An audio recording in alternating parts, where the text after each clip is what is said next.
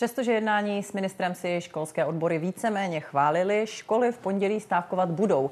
A možná víc než polovina z nich. Opravdu se to muselo stát? Proč vláda nenašla víc peněz na vzdělávání, když ho označuje jako svou prioritu?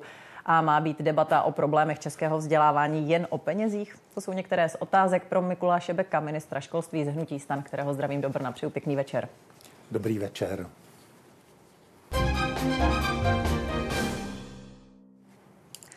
Pane ministře, stávka tedy bude navzdory všem těm jednáním, která jste do poslední chvíle s odboráři absolvoval. Mrzí vás to? Jste naštvaný? Ne, mě to mrzí, ne, ne naštvaný. Já myslím, že do politiky nepatří e, takové emoce. Já myslím, že se musí vždycky jednat a musí se racionálně argumentovat. Já vlastně rozumím části těch obav odborářů. Na druhé straně jsem přesvědčený o tom, že vlastně většina z nich jako není založena na faktech. Že tady opravdu hodně panují v tuto chvíli emoce a měli bychom přeci jenom víc hledět na fakta a na detail těch eh, nastavení, o kterých chtějí odboráři eh, debatovat nebo kter, proti kterým protestují. Tak já nejsem rozhodně rád, já toho lituji, že k té stávce dochází. Myslím, že jsme udělali na straně vlády řadu střícných kroků pro to, abychom tu stávku odvrátili nebo zmírnili ale eh, odbory se rozhodly, že budou postupovat tak, jak budou postupovat. To znamená, tu vinu vy vidíte víc na které straně? Říkáte, že vláda ne. udělala maximum. Po, dobře, neříkejme možná vinu, ale kde vidíte příčinu toho, že k té stávce dochází? Jestli je to spíš tedy eh, ochota, případně neochota vašich vládních kolegů uvolnit pro školství víc peněz, anebo jsou to požadavky odborů, jejich forma? Nepodívejte, ten rozpočet ve školství roste, roste o 8 miliard fakticky a je to jedna z mála kapitol státního rozpočtu, která roste. Možná se k tomu dostaneme pak detailněji, ale já vidím problém v jedné věci. Standardní vyjednávání mezi odbory a zaměstnavatelem, firmou nebo státem má podle mého soudu probíhat tak, že odboráři řeknou jasný požadavek, chceme zvýšení platů o tolik a tolik procent, já nevím, třeba o 10 tarify nebo o 5 zaměstnavatel nebo vláda řeknou, ale naše možnosti jsou 1, 2% 3% odbory eh, zorganizují stávku a jedná se o nějakém kompromisu, který je třeba někde mezi těmi požadavky. Ale v tomhle případě vlastně odbory eh, v těch veřejných vystoupeních i v tom dopise, který byl rozeslán rodičům, vlastně neuvádí žádný konkrétní požadavek, o kterém by se dalo vlastně takhle věcně jednat. Tam Promiňte, ale my jsme, měli, my jsme měli místo předsedkyně školských odborů v pondělí v tomto samém pořadu a ona tam poměrně jasně říkala o tom, že ten požadavek je víceméně 6 až 8 miliard nad rámec toho, co má teď školství přislíbeno, plus tedy to, aby ministerstvo stáhlo své plány na změny v těch maximálních eh, proplácených eh, hodinách odučených. No, ale to jsou požadavky, které zazněly ex post v tom dopise, který byl rozeslán rodičům, nic takového není. A na jednání Takže s vámi opravdu nic takového nezaznělo? Ne, ne, nezazněl jasný požadavek a nezazněly žádné podmínky, za kterých by byly odbory připraveny tu stávku například zmírnit do nějaké symbolické podoby. V tom já vidím problém toho, že se vlastně nejednalo o nějakých věcných parametrech, přestože jsem se o to snažil. Ale samozřejmě rozumím tomu, že ta debata o tom rozpočtu je letos mimořádně komplikovaná ale je potřeba říct, že ten rozpočet roste, roste o 8 miliard korun celkově. Promiňte, já se toho s dovolením chytím, protože vy to tak opravdu konstatujete jako fakt i na, eh, na Twitteru, respektive na sociální síti X, kde dáváte jako fakt, že rozpočet meziročně se zvýší o 8 miliard. Přitom sám jste říkal, že ty 4 miliardy jsou jasné, 3,9, ale ty druhé 4 miliardy, které se mají uvolňovat z rozpočtové rezervy, přece tak jisté nejsou. Tam jde o to, jestli uh, vlastně vyúčtování za letošní rok dopadne dobře, řekněme. To jsou, znamená, jak jisté ty 4 miliardy jsou? jsou? Jsou prakticky jisté, protože včerejší jednání předsedů koaličních stran společně s ekonomickými ministry, které probíhalo od 4 hodin, eh, vlastně potvrdilo, že ty 4 miliardy školství získá. Já jsem o tom eh, ještě večer informoval vedení odboru. Dobře, eh, i tak se bavíme o tom, že odbory mluví o chybějících 6 až 8 miliardách a mě by teď zajímalo z těch 4 miliard, kolik vlastně ve výsledku stejně by do toho regionálního školství putovalo. Protože vy jste zároveň slíbil cca miliardu vysokým školám. Tak eh, vlastně jak to je? O kolik by se mohlo, mohl ten rozpočet směřující nebo respektive ty peníze směřující do regionálního školství navýšit? Já si myslím, že se mohou zvýšit o přibližně 3 miliardy korun. A samozřejmě pořád nejsme na konci vyjednávání o rozpočtu. Já myslím, že tady odbory vstoupily vlastně do prostřed toho vyjednávání o rozpočtu, protože ještě není schválen rozpočet ve sněmovně. A také rozpočet pro jednotlivé školy se každoročně rozepisuje ministerstvem školství až na konci ledna. Do té doby je tady stále prostor pro jednání, pro případné navýšení toho rozpočtu a odbory varovnou stávkou se vyjadřují k tomu vyjednávání, ale jsme uprostřed procesu, který bude završen na konci ledna, když školy budou vědět přesně v jaké skladbě a v jakém objemu dostanou peněžní prostředky, ale je jisté, že ty peněžní prostředky ve školách porostou. Uh... Vy mluvíte o jednání, o tom, že ta stávka je výstražná v pondělí. Můžeme vlastně upřesnit, jaký bude váš další postup, další jednání s odbory a do jaké míry jste připraven na to, že budou následovat nějaké ostřejší, delší akce? Já teď nechci předvídat další průběh nějakých jednání. Já jsem se dohodl včera večer s vedením odboru, že nehledě na to, že se uskuteční stávka, tak my samozřejmě budeme posky, pokračovat v jednáních.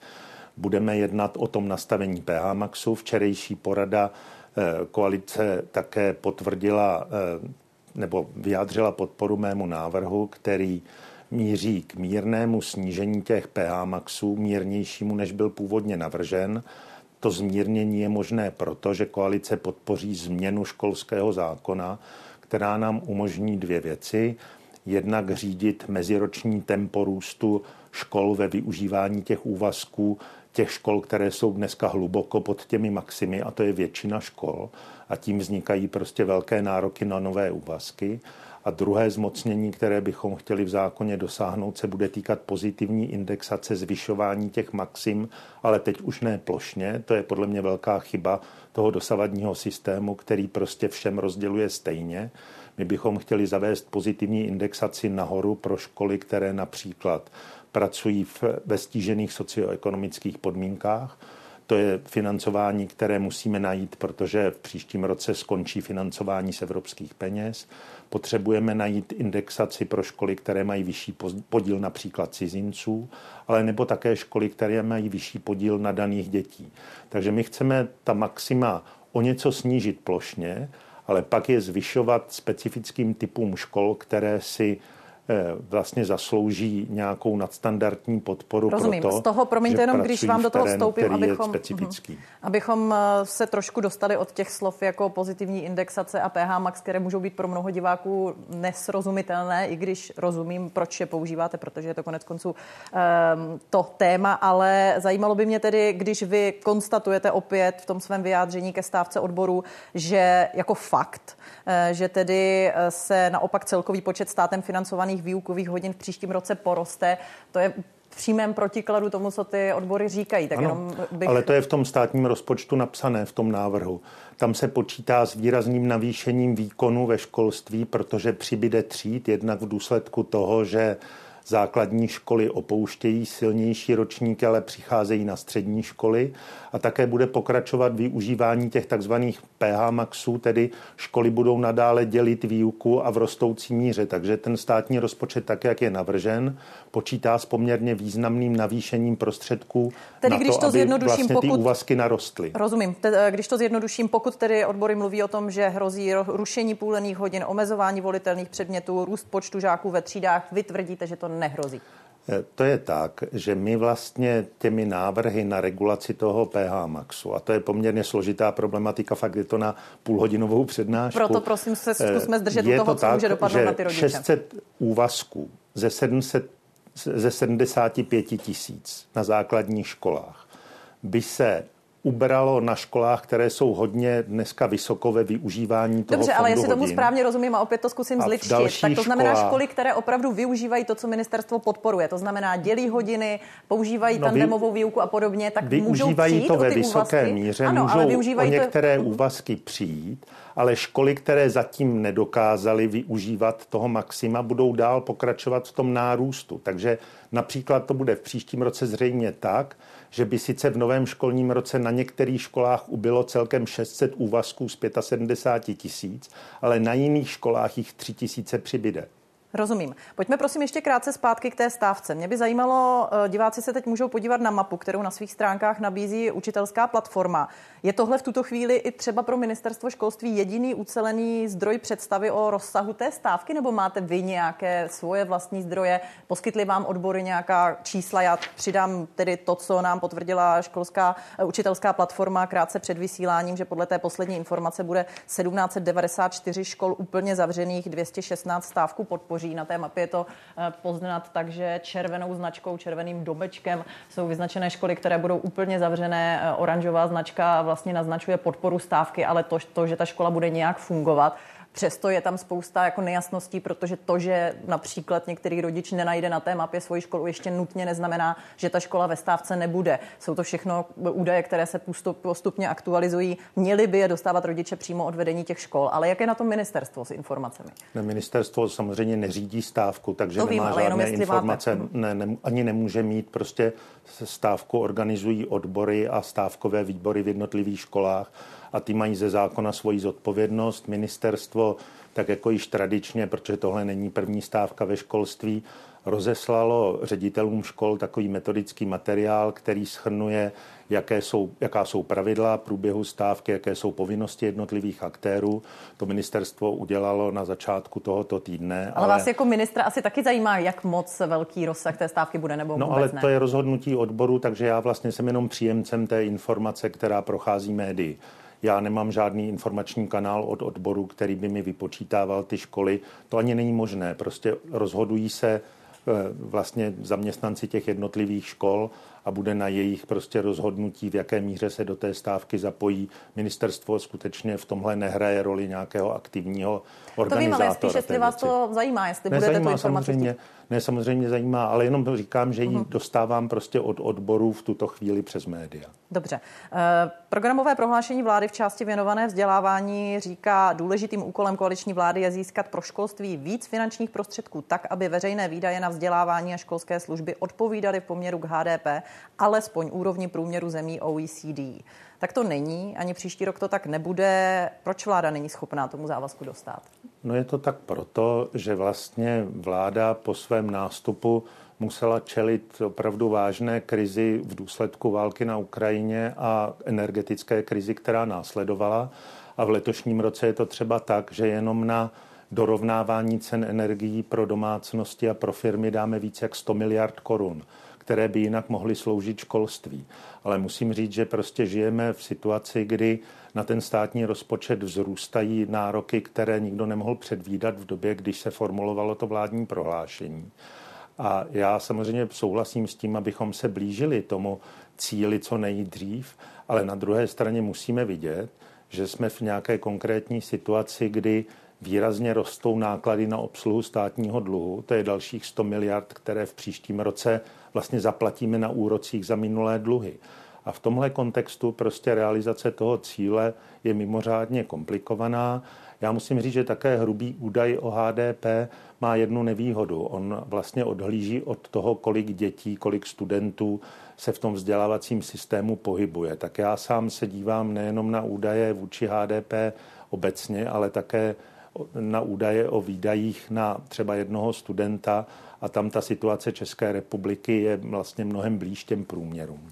Eh, přesto mm, má být podle vás debata o kvalitě vzdělávání v Česku zúžená vlastně jenom na ty peníze, jenom na to, kolik peněz do rezortu přiteče. Ptám se i kvůli tomu, že vy sám jste při nástupu do funkce vlastně pojmenovával spoustu dalších eh, problémů systémových. Konec konců jste za to víceméně byl tehdy i pochválen, eh, že jste pojmenovával správně. Když vyjmenuju dva z nich, neschopnost vyrovnávat sociální rozdíly nebo extrémní decentralizace, chystají se nějaké systémové změny nebo respektive proč se v té debatě ty systémové věci věci ztrácejí a řeč je hlavně o penězích. Tak ona v tom mediálním prostoru je hlavně řeč o penězích, to je pochopitelné. Já myslím, že jsme opravdu jako v čase, kdy, kdy většina společnosti je vlastně do jisté míry frustrovaná, znervózněná celou řadou těch nárazů vnějších okolností. Já tomu rozumím, chápu to. A ta debata opravdu od září není ve školství z hlediska médií o ničem jiném než o těch penězích. Já musím říct, že vlastně debata o penězích není vůbec špatná debata. Já jenom chci říct, že mezi penězi a kvalitou vzdělávání není tak úplně přímá souvislost. Ta je mezi efektivním vynaložením těch peněz a, a kvalitou. A my máme vzdělávací systém, podobně jako systém zdravotnictví, který má z hlediska efektivity celou řadu nedostatků. Eh, jenom to, co jsem zmiňoval, to nastavení těch PH maxů je opravdu plošné. Ale my bychom si měli jasně říci, že potřebujeme víc dělit třídy, pracovat v menších skupinách s dětmi, které to potřebují z důvodu třeba nějakého socioekonomického znevýhodnění. Měli bychom si také víc to říci, že ta naše struktura škol je opravdu velmi roztříštěná. Eh, my máme eh, více než 50% škol, které mají méně než 150 dětí. To nemá žádná evropská země. My máme 25 škol, které mají méně než 50 dětí a přitom v nich jsou jenom 3,5% dětí. Takže my musíme opravdu hledat cestu, jak eh, ty školy integrovat do nějakých větších celků, tam, kde jsou rozdrobené a pracují s malými počty dětí. To znamená, Protože budou se slučovat eh, školy ne, malé, slučovat. budou se rušit, nebo jak to, to má, Ne, ne, ne, to má víc, víc cest. My o tom vedeme férovou debatu. Já jsem dnes byl na e, sněmu Združení místních samozpráv, kde jsem vyzval starosty k tomu, abychom vedli diskusi o pozitivní motivaci ke spolupráci škol, která může mít buď po dobu nějaké integrace do společných právnických osob, ale také to může být prostě spolupráce těch škol, které mohou mít nějaké společné zázemí z hlediska provozního, protože každá i ta malá škola musí vlastně dělat stejné věci v administrativě, v účetnictví, v personalistice, jako ta škola velká. A nedávno byly publikovány závěry studie odborníků z Vysoké školy ekonomické, které říkají, že efektivní velikost celků, ve kterých by se měly dělat tady ty činnosti, které jsou vlastně podporou fungování školy, je nějakých pět tisíc dětí. Eh, my máme školy, které jsou mnohem menší. Samozřejmě nedospějeme k pěti tisícům, ale musíme hledat cestu, jak pozitivně motivovat obce a školy k tomu, aby provozovali tady ty činnosti lépe. A to také umožní třeba kvalitnější zázemí i personální v oblasti třeba školních psychologů nebo v oblasti sociálních pedagogů. Eh, to vlastně nebo opakujete, potvrzujete to, co vychází ze studií výzkumné organizace PAC Research, která se dlouhodobě věnuje mimo jiné problémům eh, nerovností, mimo jiné českého vzdělávacího systému, kde zdůrazňují, že právě ta obrovská decentralizace, ten systém tisíců obcí zřizovatelů, ve kterém nikdo nenese odpovědnost eh, za kvalitu vzdělávání, je jeden z důvodů, proč eh, je ta nerovnost tak veliká. A mluví právě o potřebě zavedení středního článku například na úrovni obcí s rozšířenou působností, což by vedlo třeba právě k tomu, kterých je v obcí Eh, v Česku 206, což by mohlo vést k nějaké větší koordinaci, eh, o které mluvíte. Je tohle nějaká cesta, kterou se ubíráte, nebo jak vlastně je ta představa, že by měla ta, eh, ta, ten boj s tou decentralizací příliš velkou s tou roztříštěností vypadat? Já myslím, že je to jedna z možných cest. My nemusíme jít nutně jednou cestou, můžeme kombinovat, můžeme podpořit integraci škol do nějakých větších školských právnických osob Můžeme jít cestou středního článku, který je v tuhle chvíli ověřován experimentálně z evropských peněz eh, v některých lokalitách. Můžeme jít také cestou eh, podpory z úrovně krajů. Já myslím, že těch cest je několik. Já jsem vyzval eh, jak Združení místních samozpráv, které zastřešuje ty malé obce, tak ale další organizace typu Svazu města obcí a asociaci krajů k vytvoření společného týmu, který by vlastně připravil návrhy, které by mohly podpořit tyhle ty kroky. Také musím říct, že z hlediska budoucího investování do školní infrastruktury je potřeba, abychom, pokud budeme stavět nové školy, spíš stavěli větší školy, které budou vlastně spádové pro větší oblasti, více obcí, svazky obcí nebo společenství obcí, které jsou dnes nově v zákoně umožněna. A tohle je podle mě strašně důležité téma, které samozřejmě se rozvíjí na té odborné rovině. V tom mediálním světě v tuhle chvíli je zastíněno, ale brzo se podle mě k němu budeme muset vrátit i v té veřejné debatě. A můžete jenom trošičku upřesnit eh, tu představu středního článku v pojetí ministerstva školství, velmi nějak eh, laicky pochopitelně. Tam je vlastně, ta myšlenka je taková, že by expertní tým, který by byl posazen například na té krajské úrovni nebo na úrovni ORP, mohl poskytovat vlastně metodickou podporu profesionálně ředitelům těch menších škol, kteří jsou dneska často opravdu vystaveni enormnímu tlaku. Oni současně učí, současně organizují vzdělávací činnost té své škole, ale zároveň musí zajišťovat eh, předpisy eh, ohledně bezpečnosti práce, požární ochrany a všech možných dalších věcí, účetnictví. To je prostě obrovská agenda, která se v těch malých celcích vlastně stává obrovskou zátěží pro ty ředitele. Takže já myslím, že musíme v tomhle dospět Rozumím. k nějakému modelu.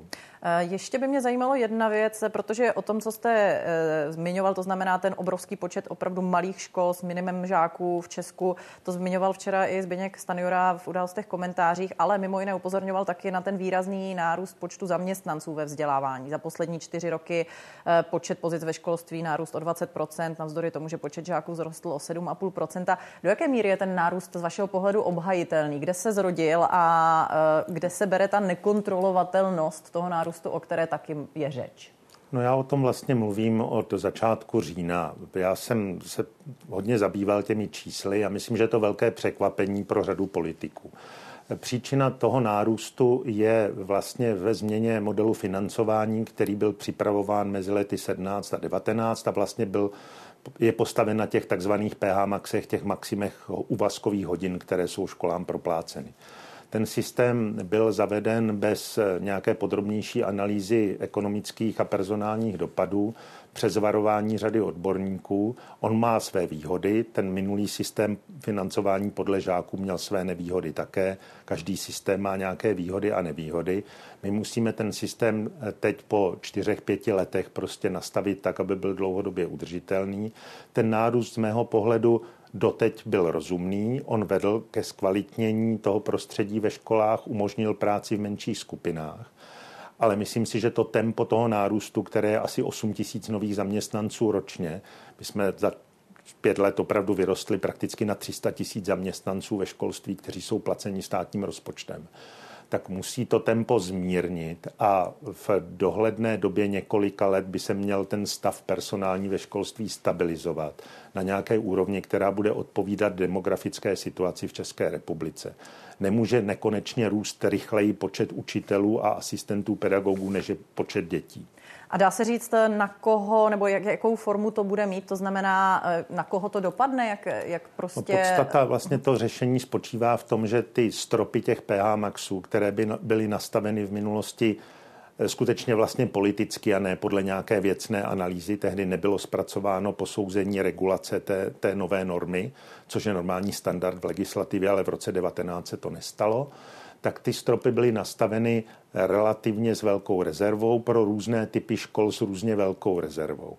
Je na místě, abychom si vytvořili lepší nástroje řízení tempa toho růstu a ten systém indexace pozitivní. A bude se to týkat, by... promiňte, víc středních škol, protože já si pamatuju, že v té analýze... Uh-huh. vlastně všech typů škol. Já myslím, že můžeme si dovolit zastropovat ty PH maxi po připomínkovém řízení k tomu návrhu, který byl diskutován v posledních týdnech.